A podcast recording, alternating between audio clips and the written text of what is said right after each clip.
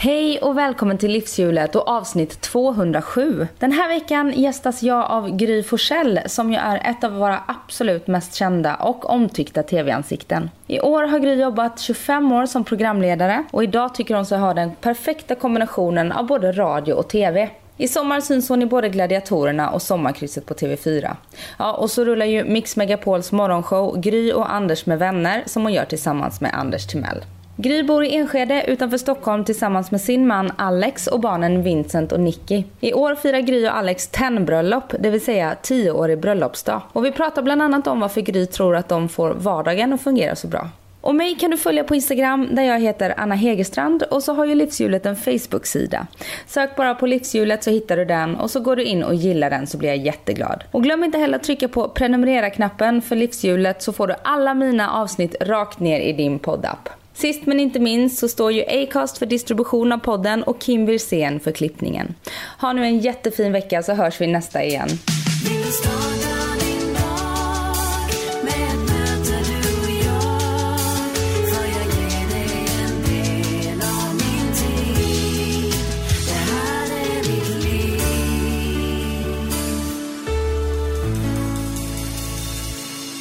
Välkommen till livshjulet Gry. Tack ska du ha. Äntligen är du här.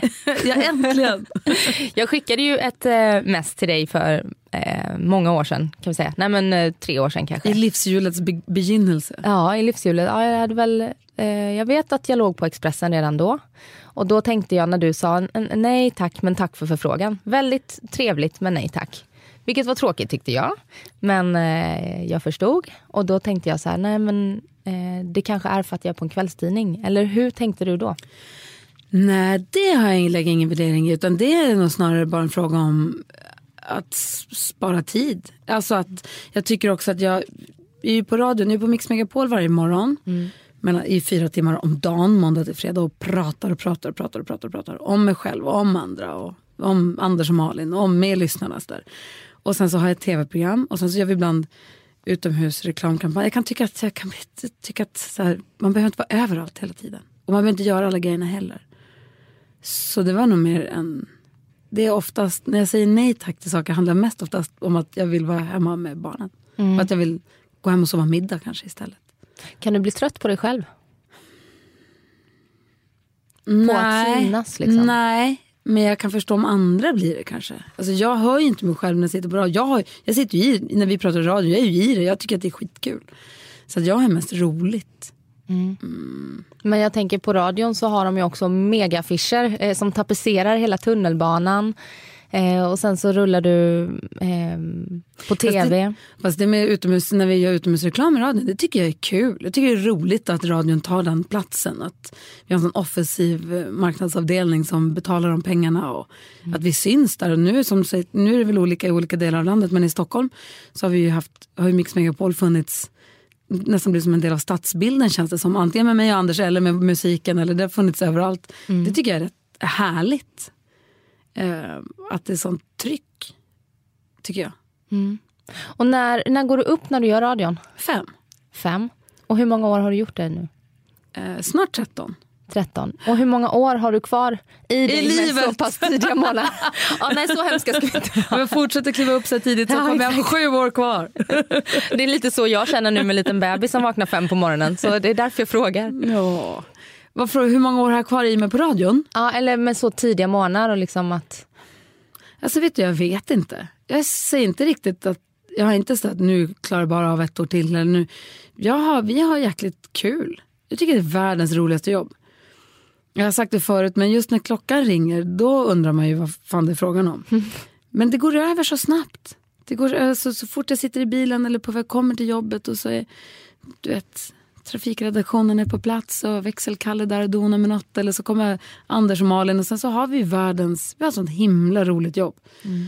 Så att um, det, liksom, det nöter inte på mig tycker inte jag. Och hur skulle du säga att en uh, vanlig arbetsdag just nu ser ut? Med tv-inspelningar och radio? Just idag, alltså mm. nu i mitten på maj mm. som vi är i, eh, så har jag radion då mellan 6 och 10 och sen när vi är klara med programmet så sitter vi kvar och pratar igenom lite morgonen som har gått och så planerar vi morgonen som kommer. Och om vi har, ibland, En gång i veckan så sitter vi lite längre. Men annars så brukar jag vara därifrån vid 11-12 ungefär. Så 6 till 11-12 typ? Ja, 11 kanske. Mm. Ja, ungefär. Det är lite olika, ibland lite längre. Men där någonstans. Och sen, det beror ju så på vad jag gör sen. Är du mitt inne i någon eh, tv-produktion nu eller? Alltså Gladiatorerna kommer komma tillbaka en sväng nu här innan sommaren. Just det. 26 maj, men det har vi spelat in färdigt. Det gjorde jag i november. Mm. Så det är inte jag inblandad i mer än att kanske det blir någon tidningsintervju eller någon pressgrej kanske. Men, Som den här kanske? ja. eh, men jag är inte inblandad i, i, jag har gjort min arbetsinsats där redan. Och sen börjar sommarkrysset den 10 juni. Men där har jag en producent som just nu är i Kiev och jobbar med Eurovision. Och redaktören också. Så att eh, där är inte heller så, så vem, en artist bokar och han gör ju sin grej. Så där är inte heller så inblandad ännu. Det blir lite närmare in på. Det är också elfte sommaren. Så jag kan nog minnas tillbaka till att första, andra och tredje året med sommarkrysset så var det lite mera inför möten och man satte programmet och vad, vad gör vi för program och hur ska det bli och vi testade olika tävlingar med publiken och man övade saker och sånt. Det är inte alls på samma sätt nu. Det är inte där så att jag sitter och skriver manus ett halvår innan utan Du känner dig trygg i att du kan ta lite saker på uppstuds? jag känner mig komma? oerhört trygg. Men vi har också bra redaktion, bra gäng där nu. Det är samma gäng som, det blir tredje sommaren i rad med samma gäng. Så att det känns supertryggt faktiskt. Och kul, det ska bli väldigt roligt. Jag älskar sommargrej, jag älskar att stå på Gröna. Jag var där igår och förrgår med Alex på Gröna Lund och tycker att det är härligt att vara där. Det känns som att det är sommar då förstås. Ni var där privat då för att åka karusell? Ja. Åker du karusell? Så skoj. Bara ni två utan nej, barnen? Det var, det var, nej, våra barn var inte med. Nej, det var vi två, eh, en av mina kompisar hemifrån Luleå och hennes eh, man och deras barn. Så vi var där faktiskt åt. De råkar ha Stockholms godaste sushi där ute. Är det sant? Ja. Var någonstans? Om du, okej, om du går till Gröna Lund Ja. så går du ner till vattnet finns det en brygga där. ja. Där det finns en restaurang som heter Hecto. Där man köper kött på Hecto. Man köper det är en kött. Så finns det en annan som heter Holy Monkey. Mm, det vet jag precis. Om du går dit och så frågar efter deras special roll. Jag tror inte, de hade inte den på meny nu, men det gick att få ändå. Den är fantastisk. Nu kommer Stockholms fancy sushi-krogar sparka bakut här. Ja men den är toppen alltså. Gröna Lund all inclusive. Ja men den är jättebra. Mm. Och då, eh, tyck, eh, hur behåller man liksom eh, gnistan i, du har gjort radio nu i 13 år, sommarkrysset 11 år. Eh, hur eh, behåller du gnistan och liksom känner att du eh, utvecklas och utmanas? Det tror jag är Till nå- varje nytt år. Ja precis. Alltså, det tror jag är någonting man får gå till sig själv med. Så jag tycker att det är väldigt viktigt att alltid försöka bli bättre. Sen vad det är, man får ju rådfråga rätt människor också tror jag. Att man får jobba ihop med dem man jobbar med redaktionen, alltså producenten. Fråga all, alltså, eller fråga sig själv. Att, att, man, att det finns en vilja, en strävan efter att alltid bli bättre. Att göra programmet bättre. Att, alltid, att aldrig tänka att, att, att man är klar, tror jag. Men sen tror jag det handlar mycket om att man faktiskt, om man tycker att det, är, att det faktiskt är kul. I grunden det är så himla mycket, tycker jag. Och låter det som floskler? Det gör det va? Nej, lite, men det är väl okej.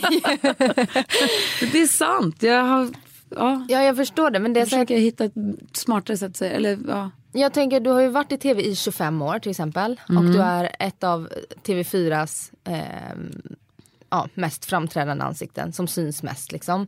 Att, att behålla det här liksom att ehm, eh, ja, inte ta sitt jobb för givet om du förstår vad jag menar. Ja. Men man kan inte ta det för givet. Man har ingen aning om när det... Man, för, det första så, för det första så går man ju på liksom, tidsbestämda kontrakt. Så man har ingen aning om vad som händer sen. Nej, du är inte anställd av fyran. Nej, jag frilansar ju. Eller man har ju som några års kontrakt. Lite olika. Alla har väl olika antar jag. Ehm, så man har ingen aning om när det tar slut där. Eller när man bestämmer sig för att man inte har lust längre. Eller vad det nu kan vara. Så att, men så länge man tycker att det är roligt så bara- får man bara vet du, hugga i och göra sitt bästa. Och, och uppskatta det man har tycker jag. Det finns ju inte så många finns ju inte så många program. Alltså det är rätt många som kon- alltså det, det är inte så många som kan ha de här jobben. Det finns ju inte så många jobb. Så man, Det är några få. Så då får man fan bara visa fram fötterna. Mm. Upplever du att det är eh, vassa armbågar i din bransch? Nej, Man är schysst och bjussig. jag tycker det. Alltså jag vet inte, kanske vassa armbågar. Nej, vassa armbågar upplever jag inte. Nu umgås inte jag så mycket i branschen, eller vad man ska säga. Jag hänger inte med jättemånga programledare. Just som att jag jobbar inte i TV4-huset någonting. Jag är aldrig där. Jag träffar liksom inte dem. Nej, just Det är du är ute på Men det är produktionsbolagen. inte så att jag, Agneta Sjödin och Tilde de Paula sitter och tar en kaffe och pratar om Jenny Strömstedt. Alltså, jag, jag hänger inte med dem. Jag blir jätteglad när jag träffar dem. För de är skitduktiga och jättetrevliga och härliga. Men jag, det är inte så, så att vi, vi har inget härligt nätverk. Nej. Eh, Så att jag vet inte vad de, hur de upplever det. Men jag har i alla fall inte. Men det är för att man inte är i det heller. har du valt att vara frilans eller är det att det är svårt att få en anställning? För vissa är anställda vad jag har förstått och vissa är frilans. Jag har ingen aning om hur de andra gör faktiskt. Eh, nej, det har nog aldrig. Jag har nog aldrig tänkt tanken att jag skulle kunna få en anställning någonstans. Det har varit, jag började jobba som programledare som du säger för en miljard år sedan. När jag var 19. 25 i alla fall. Är det 25 år? Ja. Nej, men jag var 19 år och då var det, fick man ett halvår. Ehm, ett halvårskontrakt. Och sen så fick man ett halvårskontrakt, det var på SVT då. Fick man ett halvårskontrakt till. Och sen så ett halvårskontrakt till. Och det var en period i livet där mina kompisar började frilansa, eller frilansa. Någon började säsonga i Riksgränsen och någon åkte red hästar i Tyskland och någon åkte och gjorde någon annan. Det var lite så här säsongsarbetesperioden i livet. Så jag tänkte att det här är något jag säsongar med en stund. Och så, för jag tänkte att det är ju inget, det är inget jobb, det är ju bara en kul grej. Sen så slutade jag jobba i Växjö och flyttade hit till Stockholm. Och då sen gick lite på a-kassa och sen så stäm, stämplade lite och hoppade in, så här, tackade ja till det jag fick egentligen. Så blev jag travreporter på TV4, vilket var helt sjukt också. Det är många som har kommit in den vägen Ja. känns som. I alla fall via sporten. Ja. Ja, det var Sven Melander ringde och frågade om jag kunde något om hästar. Jag sa jajamän. Kan du något om att göra reportage? Jajamän, så jag. Hade aldrig gjort ett reportage i mitt liv. Men det gick, det löste sig till sist. Ehm, nej men så att för mig har aldrig, jag har alltid tänkt att det här är något jag gör en liten stund. Så, att, så länge det håller. Sen en vacker dag så tar det ju slut och då kan jag göra något annat. Då får det bli något annat, bli någonting på riktigt. Ja, precis, du tänker fortfarande vad ska jag göra när jag blir stor? Nej men lite, inte nu längre kanske. Nu har det gått så jäkla lång tid. Men de första tio åren i alla fall. Kändes det som en, så här, en nyck. Alltså, jag, jag, vilken jäkla slump, jag gör det här. Det här är kul. Ehm, och vi satt och pratade om det här innan du jag, just att tv-branschen beroende på vilka tv-program och vilket typ av produktion man jobbar med. Att man måste nog vara egentligen, man måste vara beredd att verkligen säga yes man till allt. Ehm, som du berättade om dina, när du hade jobbat som, i redaktion på tv också. Att man måste kunna liksom hoppa in och göra allt hela tiden när som helst. Och jag var ju vet du, singel av- utan barn och så, så jag- jag kunde ju åka överallt och, och hoppa på det mesta utan att behöva fråga någon. Och det är väldigt smidigt. Då. Men så säger plötsligt så har det gått tio år. Och då började jag känna att man kanske måste se det som en, mitt arbete. Då. Jag gjorde en intervju i januari tror jag det var för, eh, för Livshjulet med Pernilla Månsson Colt. Ah. Som du väl började jobba med? Ja, där i Växjö, 92. Ja, Ja. ja, jag var nere i Malmö och intervjuade henne. Och hon har ju... Hon är gullig. Ja, jättegullig. och hon ehm, jobbar ju som producent. Mm. för Antikrundan. För hon kände att när hon började bli lite äldre att hon var så här... Eh, det är ganska åldersfixerad bransch. Att om hon ska ha en trygghet att överleva i den här branschen så är det nog bra om hon försöker lära sig bakom kameran. Mm, Eh, också. nej, var det så hon tänkte? Ja, Vad hon, tråkigt. Ja, samtidigt som att eh, i samband med när hon började producera och jobba bakom kameran fick hon fler ehm, uppdrag framför kameran än någonsin. liksom. Så det, körde ihop sig. Hon Ja. jobbar ju också Nej, väldigt, jag ska säga, Man mycket. ser henne i bild ju hela tiden. Ja, ja visst. Så hon gör ju både och då och Ja. jobbar jämt i princip. Har, du har aldrig känt så? Nej. Nej, alltså jag tycker att... Nej, det har jag aldrig känt. Det är aldrig någon som har sagt till mig att nu är du för gammal. Nej. Nej, tvärtom. Jag tycker också att jag jobbar mer än någonsin. Skulle du säga att du har ditt drömupplägg med radion och tv nu eller skulle du vilja skruva det åt något håll?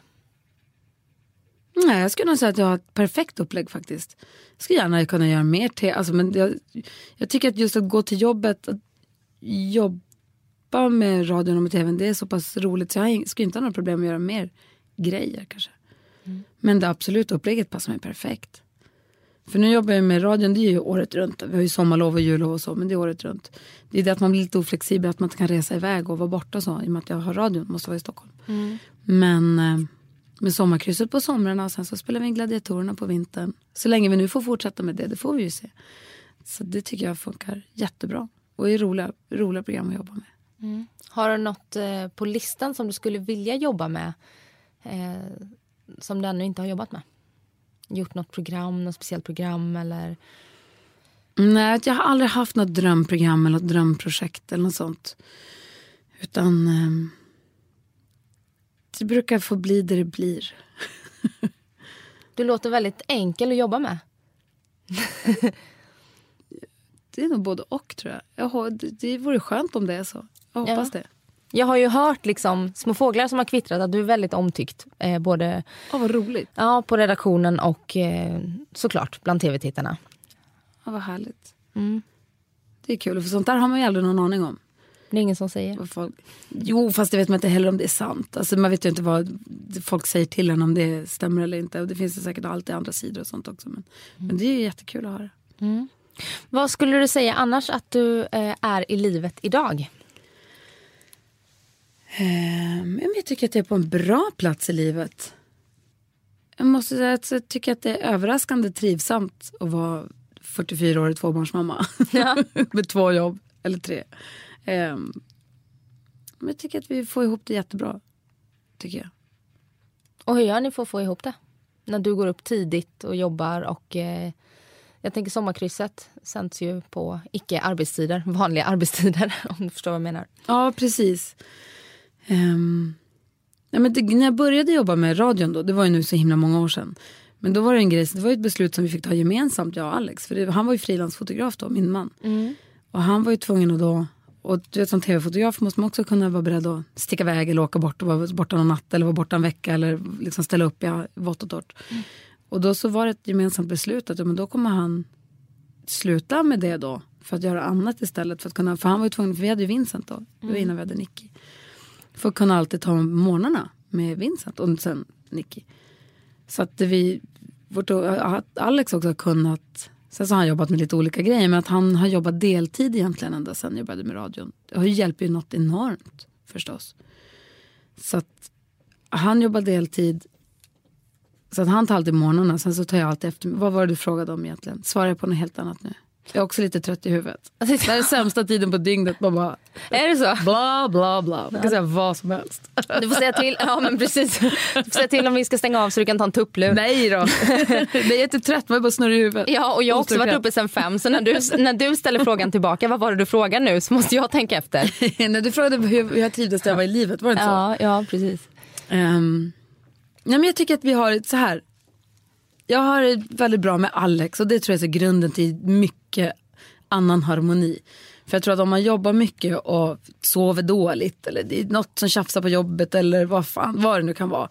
Om man vet att man kommer hem, att man när man här, att the end of the day kommer hem till någon eller har någon där i telefonen eller hemma som supportar en och tycker om en och är schysst och att man peppar varandra och vice versa att man peppar varandra och är bussig. Det hjälper så otroligt mycket för jag kan tänka mig att komma hem till någon som dessutom ger en skit för att man inte har satt i disken eller inte handlat eller vad det nu kan vara. Eller för att svartsjuka eller vad det nu kan vara. Då tror jag att man blir rätt eh, knäckt. Det måste vara oerhört jobbigt. Jag tror att det är många som har det så. Och det måste vara otroligt jobbigt. Och då kan jag förstå att, man kan bli, att det kan bli väldigt slitsamt. Sen tror jag också att man måste sluta och jämföra sig med andra. Så mycket som jag tror många gör. Med andra par då, eller med sin partner? Andra, eller? nej, andra, andra, inte sin partner, andra människor i största alltså Jag tror att det är lätt hänt att man tittar på, ja, men på grannens perfekta gräsmatta. Och tänker jäklar vilken fin trädgård de har, att inte min trädgård är så fin. Men man tänker inte riktigt på att de har barn som är 19 och klarar sig själv, man själv var en femåring. Att de har kanske 10 timmar extra i veckan att ta hand om den där trädgården för att de inte har den där femåringen som ska skjutsas överallt. Sen tittar man på sin andra granne, fan vad hon är vältränad. Men man tänker inte på att hon är 22 och singel och har all tid i världen att springa på gym och behöver inte tänka på att laga mat åt sina alltså man, Och sen så hittar man någon annan som verkar så jäkla harmonisk. Och då tänker man inte på omständigheterna som den människan lever under. Och så bygger man ihop alla de här till ett monster som man jämför. Alltså, alltså, du förstår vad jag menar med monster. Ja, jag fattar. Men att man en, försöker, eh, en utopi exakt, människa. som inte finns. Nej precis, och så tittar man på sociala medier som grädde på moset till det där och så försöker man bli den personen som inte finns. Och det går inte. Nej. Och då tror jag att det är lätt, eh, ganska lätt att man mår sämre än vad man kanske måste. Man tror man måste försöka sluta jämföra sig så jäkla mycket. Kan du falla in i det? Nej, jag tror inte att jag gör det. Och jag tror att det är därför också som jag tycker att jag är på en ganska trivsam plats i livet. Det var ett långt svar på din ganska enkla fråga tror jag. Har du kommit dit nu eller eh, har du alltid haft med dig det? Att du har... Jag tror nog att jag har haft med mig det ganska länge. Men jag tycker att det blir tydligare att andra gör så nu. Jag tror att det har också att göra med sociala medier explosionen. Att vi inte har vant oss med det riktigt än. Att vi inte riktigt har, vi börjar väl genomskåda det lite grann nu. Men att det har varit en, några år nu av att folk tror att det är sådär. Att man bygger ihop alla de här bilderna till en person. Att man lägger sitt egna pussel som blir helt fel. Om du förstår vad jag menar. Jag slutade följa alla jag följde på min Instagram. Varför det? Just därför? ja, just därför. Ja. För att jag inte har fått med mig det då kanske eh, men så naturligt att inte jämföra mig. ja. Hur, hur kommer det sig att Men jag du... tänker också så här, men såna här situationer också som om jag då får frågan så här, hur orkar du kliva upp klockan fem i 13 år och ändå vara på tv och se pigg ut? En fråga som jag kan få ibland. Eller på Ganska reklam. ofta kanske. På reklamen, du ser så himla så du ser, men ja men för det första så, jag kliver upp fem, det gör jättemånga andra. Jag är klar mycket tidigare än många av de som kliver upp klockan fem. Jag har egen bil som jag kan köra till jobbet med. Jag behöver inte stå och vänta på en buss. Eller jag, min taxi, mitt jobb bjuder mig på taxi om jag vill till jobbet på morgonen för att de är schyssta. Eh, sånt underlättar. Jag har en snubbe som jobbar deltid och som är hemma och jobbar hemifrån och finns hemma där. Om jag kommer hem mitt på dagen så är han hemma. Så kan vi kolla på en tv-serie tillsammans innan barnen kommer hem från skolan. Eller vi kan prata om om vi ska måla om eller om man ska göra någonting eller vad det nu kan vara. Jag har, alltså det finns, det finns så många saker som gör livet så himla lätt. Och då tror jag att det är farligt om man sitter och tänker att och sen så när man är på de här reklambilderna på tv till exempel, eller på stan, reklamen på stan. Man har suttit i smink i två timmar, man har blivit ljusat och ibland alldeles för mycket retuscherad också. Har du varit med om någon sån här riktig eh, retuschmiss? ja, eller miss. Du bara, men- "D- vem är det? Nej, men det är jag. gud ja. Det tycker jag absolut. Jag tycker att de tar i lite mycket ibland.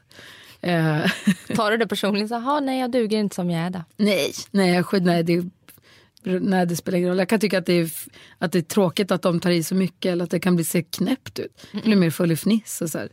Så, Man ser något så här, kryss tidningsomslag som, man, som alltid kommer som en överraskning. Så ser man knappt vem det är. Tycker vi alla ser ut som samma liksom. Ja. Men, ehm, nej, men då, är det, då är det lätt i alla fall att man missar de här alla små detaljerna som gör det, i mitt fall då, som så himla enkelt. Förstår du hur jag menar? Jag förstår. Men det är också en konst att kunna se till det man har och det är ofta så att mycket vill ha mer. Ehm, för det, det låter, du beskriver ju ett väldigt privilegierat liv. Eller hur? Ja. Eh, och, Jag har det topp. Jag, tänker, inte- alltså, jag får, får inte klaga. Nej. Jag, alltså, jag får absolut inte klaga. Då f- får någon komma och säga till på skarpen. ja. Men det är så lätt då om man har det att man blir bortskämd i det och liksom inte ser det man har utan då sätter man upp ribban lite högre. Men då kommer jag alltid vara missnöjd. Ja, det är precis. inte alls min grej. Jag, jag vill gärna vara nöjd. Eh, alltså, vad heter det? Man vill, alltså, jag vill alltid sträva framåt och jag vill lära mig mer. Och jag vill radioprogrammet ska bli bättre. Och jag vill att ännu fler ska lyssna på det alltid. Eller tv-programmet ska bli bättre. Men jag tycker att det är kul i det. Och samtidigt, händer, alltså, det är klart att vissa dagar om det är, tjaff, det är någonting på radion eller det är någonting på, med någon annan redaktion eller man fastnar i trafik eller en hantverkare river ner fel tapet i sommarstugan som händer nu. Alltså om det händer skit. Men man kan inte bli arg på sånt. Det är en del av livet. Man måste, det är ju bara som det är. Då får man, det är ju, Det är logiskt att tänka så. ja. Men det är inte känslomässigt. Det är kanske inte. Men du är ingen känsloperson då som agerar i känsla? Och... Jo, jättemycket. Men jag försöker att, jo det gör jag nog absolut. Ja, jag kan bli arg, alltså det är inte det att man inte kan bli arg. Man kan bli arg eller upprörd eller frustrerad eller så. Men det är också så här, eller ledsen. Men det är också en del av livet. Det är ju det är så det måste vara. Eller hur? Ja, fast jag kan ju känna mig lite så kränkt av vädret när jag går ut idag och det är så piskar, så stora isiga snöflingor. I så kan maj. jag bara känna så här, fan nu ska ni förstöra för mig här när jag skulle ta en promenad till jobbet. Vem som skulle förstöra det vet jag inte men jag bara känner att det är riktat mot mig. Ja, alltså det, kolla genom fönstret, det ser ju helt sjukt ut. Ja. Det toksnö här i maj. Ja, det är alltså... Det stör inte mig så jäkla mycket. Att det är kallt på sommaren stör mig mycket mer. Där är jag mycket mer väder. Det här, tycker jag, det här är så knäppt bara. Mm. jag tänker bara så här med alltså, att vem får kliva upp på morgonen och åka till ett jobb där man får skratta varje dag och får bekräftelse och får ha roligt, får gehör och sen, jag vet inte. Det, det är ett jäkla, ja, men som du säger, privilegierat jobb. Så att jag har ingen rätt att gnälla. Nej, det är många som skulle kliva upp fem för att få jobba med det du gör. Jag tror faktiskt det. Det borde de vilja för det är kul. Var kommer den här, för det låter väldigt sunt, var kommer det här sunda ifrån? Du måste ha haft en, en bra uppväxt. Inga trasiga barndomar. Nej, jag hade ingen trasig barndom. Nej, Nej. Jag, hade, jag hade det toppen. Jag hade en bra barndom faktiskt. Eh, Mina föräldrar separerade när jag var mm, åtta tror jag. Åtta, nio kanske. Flyttade pappa till Falun. Och sen så är jag uppvuxen mest med mamma, för då i Luleå. Men mamma och pappa har alltid haft en jättebra kontakt. Jag har åkt fram och tillbaka emellan. Och så där. Bodde ett halvår i Falun med pappa också. Så, där. så att, och jag och mamma, vi är ett bra team. Alltså jag och pappa också, men det var mamma som jag bodde med. Så, det- men hon är cool. Och du har själv en 13-åring och en 6-åring.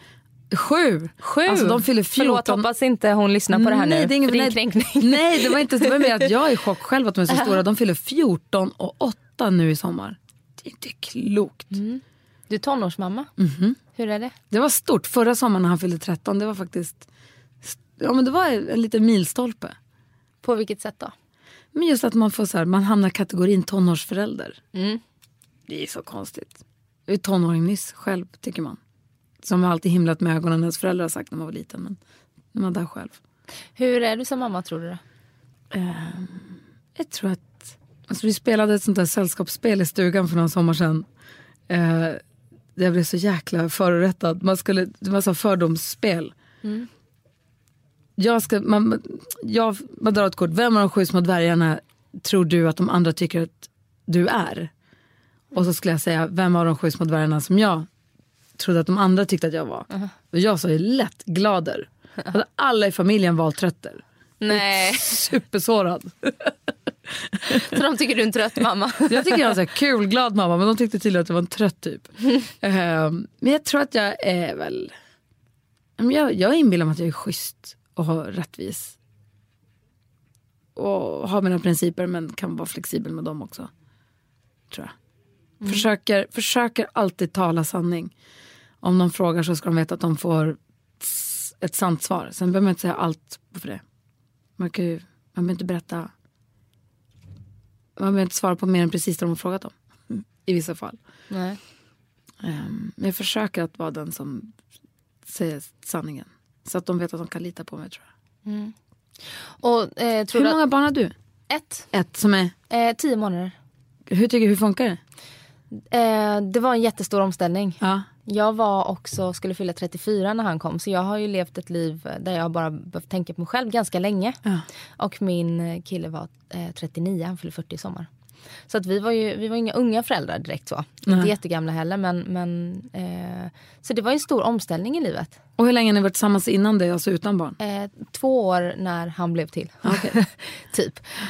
Ehm, så att, men jag tycker det är roligt. Jag hade, ganska, jag hade tråkigt sista tiden. Jag var nog väldigt, väldigt redo. Ja. Sen var det inte superplanerat för det. Men jag tycker det, var, det är skitkul. Det är inte så att jag eh, eh, tycker att... Det är klart dygnet har ju fått för lite timmar. Men jag trivs ganska bra med att ha mycket att göra. Kul. Mm. Eh, och du var 31 när du blev mamma? Nej, 30 va? 30 var du. Tror jag. 30. Jo, om man fyller 14. och jag var är 30, 34. precis. Ja, för jag hade min 30-årsfest, då, hade precis, då var jag gravid. Ja, Mm.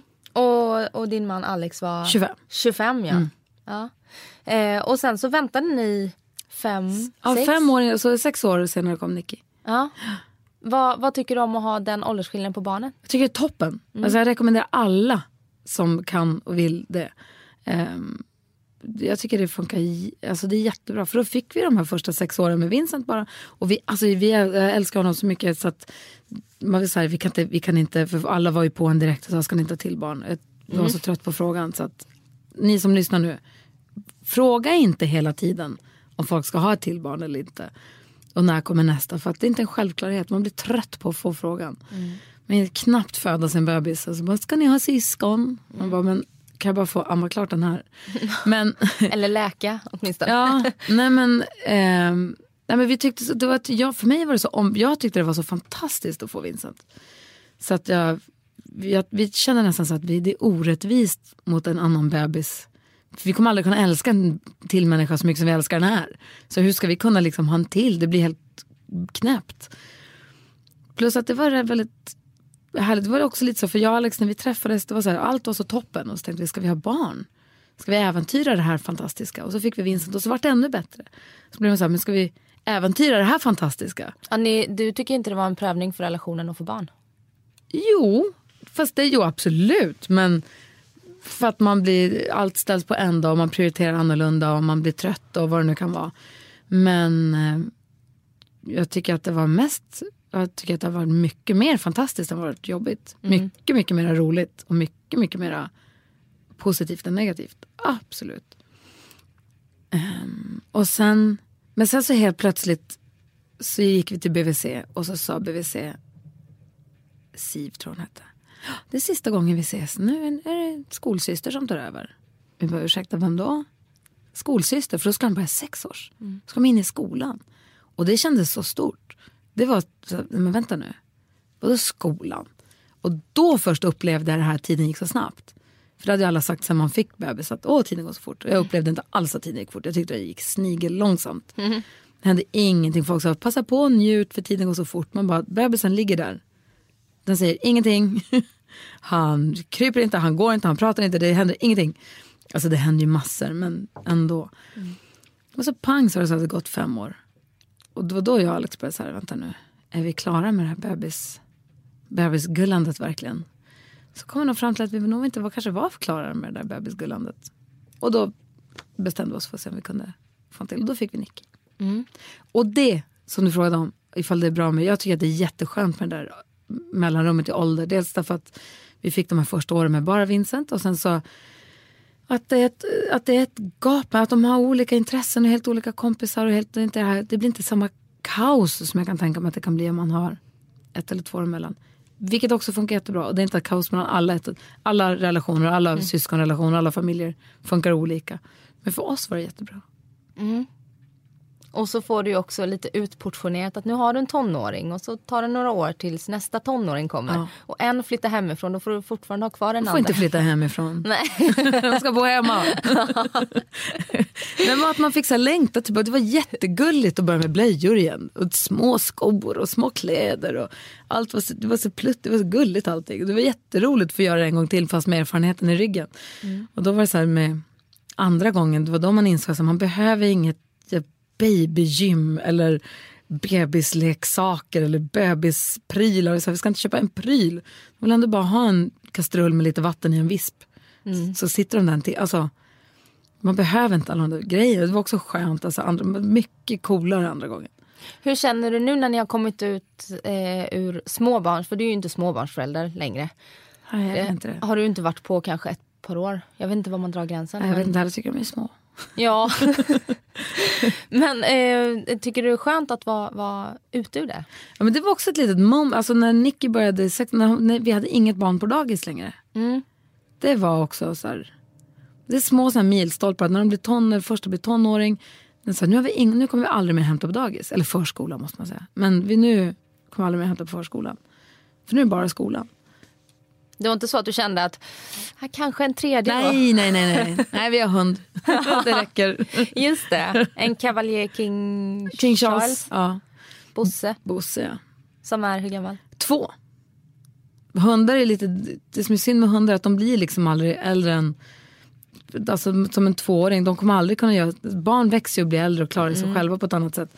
Men Bosse kommer ju aldrig göra sin egen smörgås och få egen hemnyckel och sånt tyvärr. Men det funkar bra också.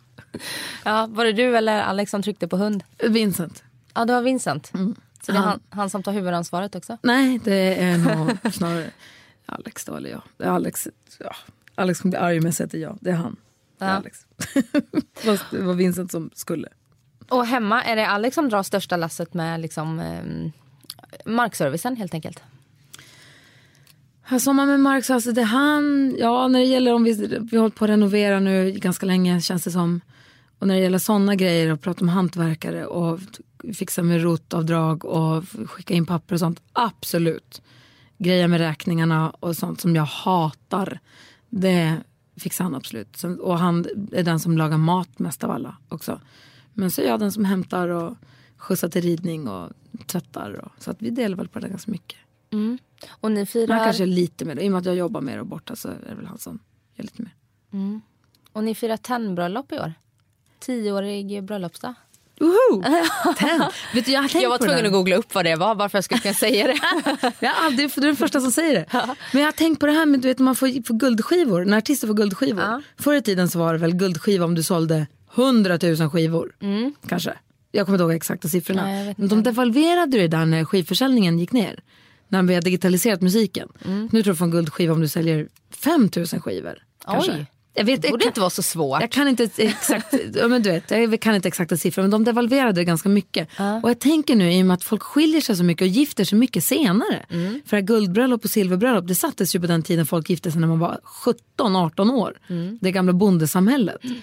Det gör vi ju inte längre, det vet du ju själv. Är du gift? Nej, Nej. Så hur ska du någonsin kunna fira guldbröllop? Vi måste devalvera det. jag får leva väldigt länge annars. Jag säger att vi måste få fira guldbröllop när vi varit gift, vadå 20 år är ju rimligt. Mm, så då tycker du att du rimligen borde fira i alla fall diamantbröllop nu då?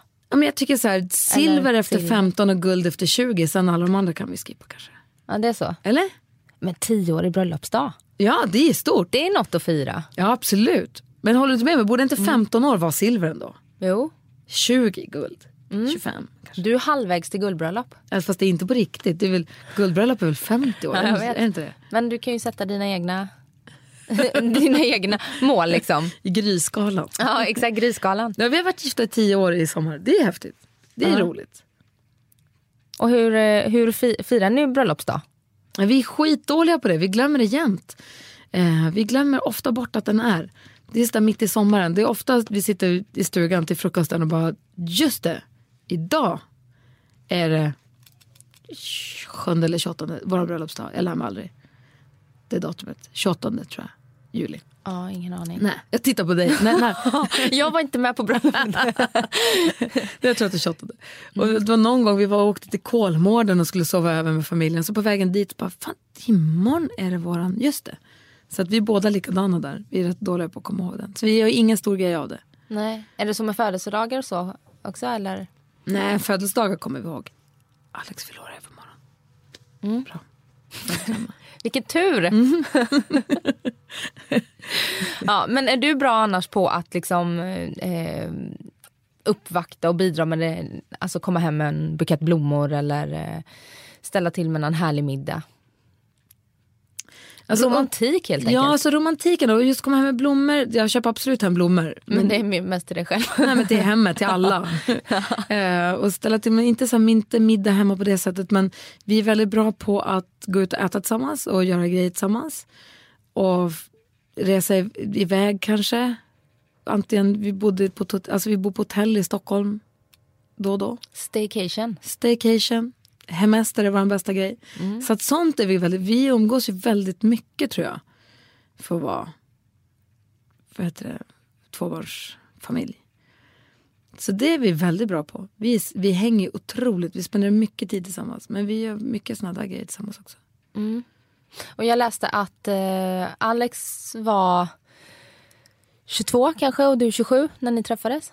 Precis, jag hade precis fyllt 28 och han var 22 och skulle fylla 23. Ja. Ja, och det var... Eh, egentligen ett one night stand som eh, dröjde sig kvar i 17 år nu. Ja men lite så. Han var ju fotograf då, då på samma produktionsbolag som jag var på. Jag gjorde ett program som heter Silikon och han jobbade med ett annat tv-program. Vet du att det är det första programmet jag såg dig i? Är det sant? Mm, du och Ulrika Eriksson. Eriksson ja, Ja. precis. Det var kul. Mm, det tittade jag på. Ja. Vilket år var detta då?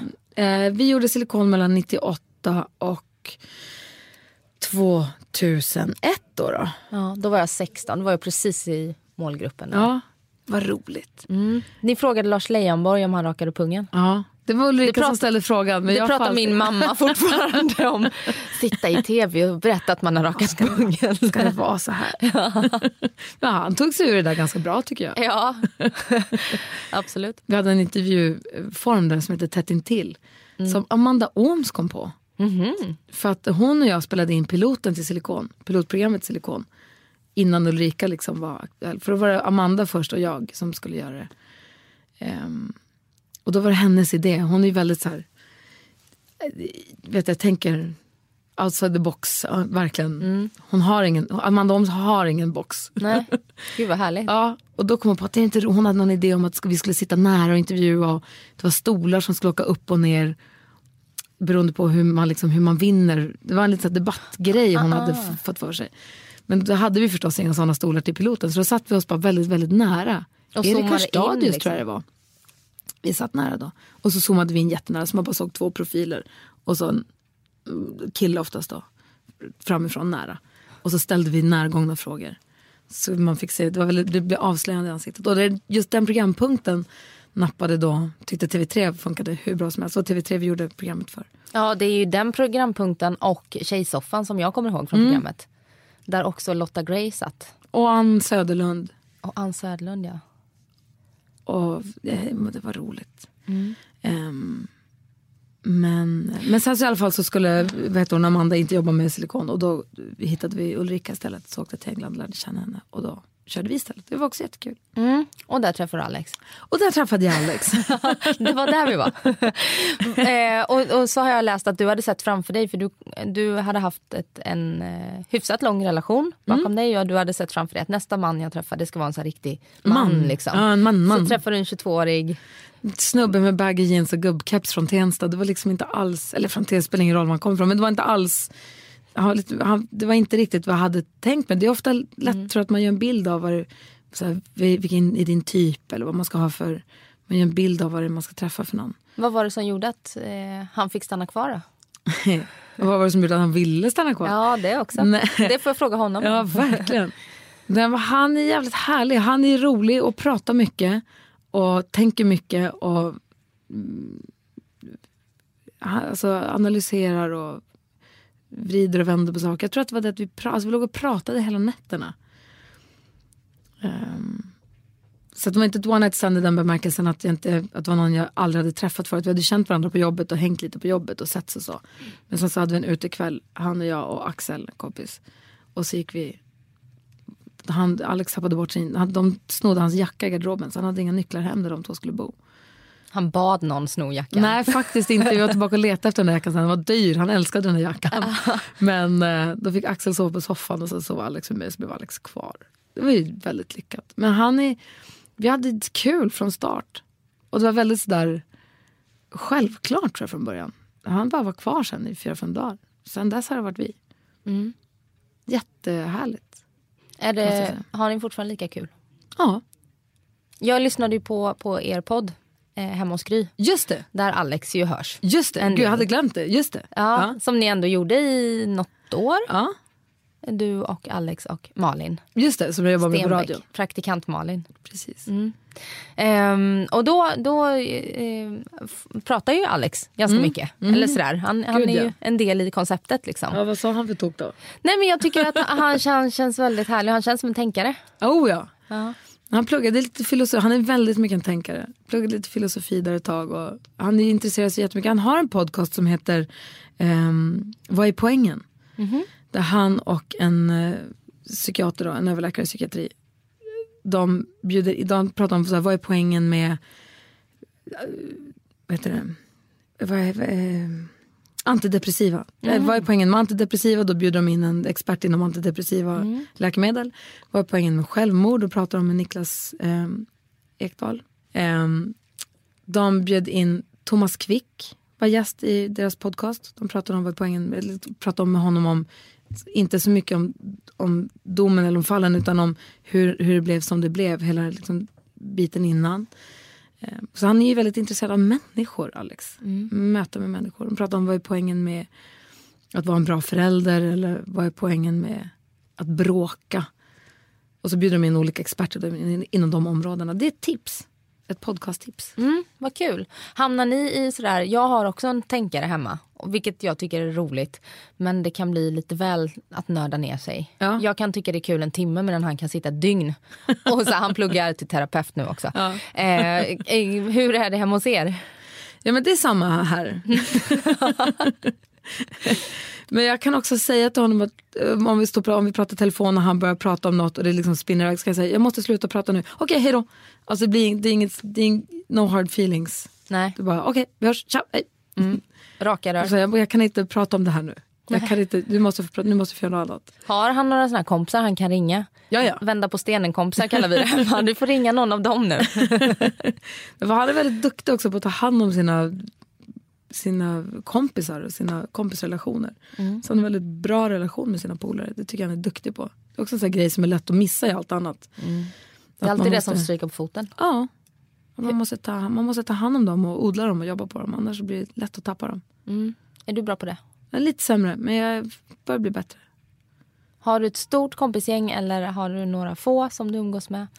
Nej, jag har nog ganska stort kompisgäng. Mm och så olika falanger, olika gäng. Olika, men jag har ganska stort kompisgäng. Ganska stort liksom... Ja, men, jo, men ganska stort kompisgäng. Men sen så har man de här några nära vännerna. Det är som för alla andra. Man har några stycken. Mm.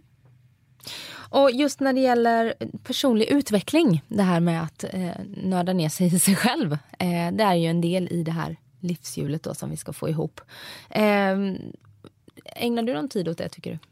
Åt att utveckla mig själv? Mm genom terapi eller jobba på brister eller är du bra på att sopa under mattan? Jag går inte terapi, men jag jobbar inte i någon specifik... Jag har inget specifikt upplägg för att så här ska jag bli bättre. Nej. Vad skulle du säga är din största utmaning i livet just nu då? Lära mig passa tider. Ja men det var du ju superduktig på redan tycker jag. Jag övar ju mig. Ja du var tio minuter tidig. Jag vet. Så också väldigt snabb på att berätta det. Ja, exakt. Så stolt. nu kan du bocka av den då. Hur ska du gå vidare då? då? Um, jag vet inte riktigt. men jag kanske inte har någon specifik plan på hur jag ska utveckla mig själv eller bli bättre. Jag måste fundera på det. Mm. Och nu står vi inför sommaren här. Jag är rätt eh. nöjd som det är. Liksom. Ja. Jag tycker att det ganska trivsamt. Gud vad härligt att ja. höra. Du skrev en bok. Nej för då får jag för mycket att göra. Då ska man hålla på, hålla på med det. Mm. Och i sommar så är det bara kaninöron, eh, sommarkrysset du jobbar med? Precis, vi håller på med radion. Då kör vi live en bit in i juli, alltså förbi midsommar lite grann. Sen så hörs vi på radion hela sommaren ändå. Då. Men det är några veckor som vi har semester därifrån. Men då har vi sommarkrysset på lördagarna. Men är det mycket att göra på radion inför att ni ska få lite semester? Att ni måste förbanda grejer och så? så ja men lite grann, inte så mycket. Nej, alltså vi förbereder lite grejer. Mm. Men det är, inte så, det är inte så farligt. Är inte. Vad ska du hitta på annars i sommar då? Jag ska åka till Mallorca. Mm. Jag ska åka och sola mig. Och vara med barnen. Och då ska Alex vara hemma och jobba så det blir bara jag och barnen. Och mamma åker med en vecka också. Det blir jättemysigt. Ska ni vara, är det nytt eh, sommarställe eller landställe ni har köpt uppe i Luleå? Nej, det har vi haft nu. Vi har haft det sedan Nicky var liten. Sen hon var nyfödd. En liten stuga som vi har där uppe. Det är stor skillnad. I södra Sverige har man landställe, i Norrbotten har man stuga. Stor skillnad. Aha. man får inte komma och säga landställe, det blir konstigt. Är det lite uppnäst att säga det? Ja, det tror jag. Ja. Så att, eh, stugan. Men eh, vi har stuga där. Och där vill jag vara också så mycket jag bara kan. Jättemysigt. Det ligger en bit bort från Luleå i skärgården mot havet. Med vedeldad bastu och sol dygnet runt. Är det att komma hem fortfarande när du kommer upp dit? Det är både och. Måste jag säga. Jag har ju, bott, jag har insett att jag har bott i Stockholm längre än vad jag har bott i Luleå. Vilket ju var lite av en identitetskris. Men någonting också. Alltså jag tycker, samtidigt, det är klart att det är hem, alltså jag är ju uppvuxen i, det är där jag bodde mina, de åren som formaren var i Luleå. Så det är ju klart att jag är Luleåbo för alltid. Så det är absolut att komma hem. Men eh, jag kan samtidigt också tycka att Stockholm är... Jag tycker oerhört mycket om den här stan. Jag tycker att den är fin. Mm. Jag tycker folk ofta är trevliga också. Sen så är det... det som är, Stockholm är nästan mer en småstad än vad små, svenska småstäder kan vara. För att man på ett annat sätt tycker jag, här i alla fall, att man går till en man går till den skomakaren eller man går till den brödaffären eller fiskaffären. Eller, Medan småstäder generellt tycker att de så här urvattnas, stadskärnan urvattnas så lätt för att man har de här stora köpcentrumen mm. precis utanför stan. I Kalmar så heter det väl Giraffen och i Luleå så heter det Storheden. Och, alltså alla har sina, Borlänge har Kupolen och alla har sina A6 i Jönköping. Precis, dit alla åker. Så det är jättepraktiskt. Jag fattar att man åker dit. Det, det förstår jag. För man har Systembolaget och H&M och Gina Tricot och BR-leksaker och allting. Det Men finns så ocharmigt. Men så ocharmigt. Och så tråkigt för innerstäderna. Det, älskar, alltså det, det, finns ju ingen anledning att åka in till stan och gå längs gågatan för det finns ingenting. Det, för, jag tycker det är så himla trist. Mm. Nu är det ju väl ganska många som är rädda att gå längs gågatan i och för sig. De, sen några veckor tillbaka. Ja fast är man det då? Är det jag, jag upplever det. Är det, det här så? kanske var också, jag lyssnar väldigt mycket på podd. Ja. Det var väldigt många som tog upp just den här attacken i eh, sina poddar ja. veckorna efter. Och det är många som säger, jag vet Jessica Almenäs sa i sin podd att hon kommer inte gå och lyssna på musik nu när hon går, går runt. För hon vill vara med liksom och veta vad som händer. Det har jag alltid sagt till alla. Alltid. Jag säger det också till barnen när de är ute och går med hunden. Så ni får aldrig ha, det har jag sagt sen alltid. Man ska aldrig ha två, man ska alltid ha ena man kan inte, uh -huh. får aldrig gå med två hörlurar på stan. Jag gör ju alltid det. Nej, man måste kunna höra om det kommer. Det kan ju komma mm. men, bilar eller arga hundar eller vet du det, mm. tjackpundar eller vad som helst farandes. ja, man, måste, man måste vara lite mer man måste kunna höra. Det kan komma polisbilar eller ambulans. Man har ingen aning. Nej. Så man får inte gå runt i sin egna lilla... Så, så gjorde jag redan sen innan. För man måste vara lite med. Mm. Men eh, nej, jag upplever inte att jag är rädd att gå i stan. Nej. Det heter ju inte jag. Men du bor söder om Söder? Mm. I Enskede? Mm. Mm. Eh, och hur länge har du bott där? 13 år. Mm. Trivs som fisken. Tycker det är perfekt. Ligger lagom nära stan och det är så här, lugnt och fint och har, det mysigt. Och bra härliga grannar. Och... Har du ditt eget lilla konditori där du kan gå och köpa frallor och... Eh... Ja. Känner igen killen på Ica? ja, ja gud ja. Absolut. Men, mm. ja, absolut. Men så tyckte jag hade när jag bodde inne i Stockholm också. Var bodde du då? Min första lägenhet hade jag vid Sankt Eriksplan. Det var där jag upplevde det för första gången. Det här är 95, så det är jättelänge sedan. Men jag, gick, jag bodde där vid Vasaparken inne i Stockholm. Mm. Man kunde gå, gick till brödaffären. Och, hej hej, och, vill du ha en hel limpa eller vill du ha en halv? Och fick man köpa en halv för att de fattade att man bodde ensamhushåll. Och fick man köpa en halv och så gick man till fiskaffären. Och, hej hej. Jag tyckte det var jätte det var så här, lekte småstad. Ja. Det var jättemysigt. Ja men det är ju det. För mig var det ganska, jag flyttade från Östermalm till Södermalm ja. för tre år sedan. Och det är väl först nu jag börjar känna att jag trivs lika bra där. Ja. För man hittar sina små kaféer och det är den här småstadstjejen i mig tror jag också som. Var kommer du ifrån? Jönköping. Ja det är såklart A6. Ja. Men känner inte du samma sak? Jo. Att man får den där... Äh, mm. Hon på posten på den tiden, så hon, post Britta som man, hej hej. Mm, jag tycker det är lite tråkigt. Jag, jag, känner ju när jag kommer hem till Jönköping så är det som att komma hem. Jag har två hem. Men jag tycker det är lite tråkigt att jag inte nu känner bartendern på det stället där jag ja. brukade jobba och sådär. Det, det känns mer främmande i Jönköping än vad det gör runt Mariatorget där jag ja. bor i Stockholm nu då. Och när cykelgubben hade sålt sin cykelbutik, vet du, det var ju Ja. Men nu är Christian som har den, han är också toppen. så att det är så här, jag tycker det är härligt. Hur ofta är du uppe i Luleå? Ja, det här var nu i Stockholm. Ja, I Luleå, mm. eh, Lur, hur ofta är det där? På somrarna i alla fall. Har du kvar familjen där? Mamma bor ju där. Ja. Sen så är det en massa kompisar som bor där. Mm. Men eh, när sommaren är slut och vi åker, packar ihop stugan för att åka hit. Då säger vi alltid att ja, men vi kommer tillbaka på höstlovet. Eller vi kommer tillbaka på alla helgona. Men det gör vi Sen blir det aldrig av ändå. Men somrarna brukar jag vara där.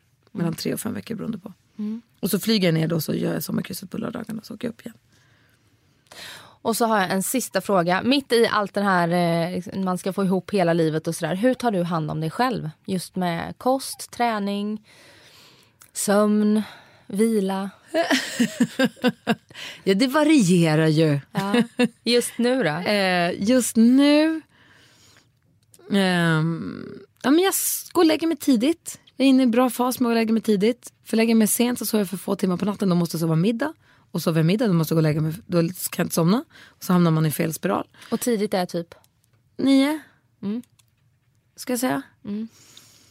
Jag somnar vid nio, tio. är toppen för mig. Eh, så jag sover ganska bra. Och sen så har jag börjat rida ganska igen, vilket är kul. Jag ska rida idag. Eh, jag funderar på att köpa en häst. Eller jag ska köpa, jag vill köpa en häst. Jag ska åka till Skåne snart och titta på hästar. Jättepirrig för det. Eh, och sen så försöker jag knata så mycket jag kan. Nu när det blir lite ljusare och inte så slaskigt ute. Jag försöker gå. Så mycket jag orkar och hinner. Du är ingen eh, gymtjej? Inte just nu. Det där är perioder. Men jag har inte varit en gymtjej på ett år. Jag vet inte. Nej. Jag försöker gå mer nu. Ehm, så det är väl det tror jag. Det är någon som borrar här. Ja, det är, jätte, det är någon som borrar. Jag tror inte det hörs in. Nej, Eh, vi får hoppas det i alla fall. Gry, jag ska släppa iväg dig nu. Tack ska du ha. Ja, tack snälla för att du kom hit. Det var superkul att äntligen få sitta ner och prata med dig. Ja, men tack. Det var jättetrevligt. Ja, Tack. och eh, ha en jättefin sommar. Tack. Kom förbi Grönan. Det, kom, det kommer jag definitivt göra. Nu har jag ju, ja, han kommer vara ett i sommar. Ja. Så eh, Då tycker de bara att det är kul att gå dit och titta på alla lamporna. exakt så kan jag och hans pappa, som också är karuselltorsk, åka. ha det bra. Kommer du åka nya? Vad är det för någon? Deras nya som de har, Ikaros. Ja, alltså jag åker allt så det kommer jag. Den är som, du åker upp och sen så fäller den fram så du ligger med ansiktet rakt ner mot marken som ett fritt fall. Och sen så rakt ner. Ja, ja, men givetvis. Har du åkt den? Nej, aldrig. Vincent kom hem häromdagen och hade åkt den åtta gånger en söndag här. Jag är inte klok. Kan inte vara bra för kroppen. Nej, säkert inte. Jag gillar berg och dalbanor. Jag älskar ju Wildfire på Kolmården. Det är ju fantastisk. Mm. Men den har du åkt? Nej, för jag har inte varit på Kolmården. Nu kommer jag ju få börja göra allt det där. Ja. Eh, åka till Kolmården och Grönan och Liseberg. Vi åkte också till Kolmården alldeles för tidigt med Vincent. Han tyckte det var mycket mer spännande med traktorerna än med djuren. Man bara, kolla elefanterna. Han bara, traktorn. det är kul. Ja, det är det. Ha det bra nu, Gry. Tack.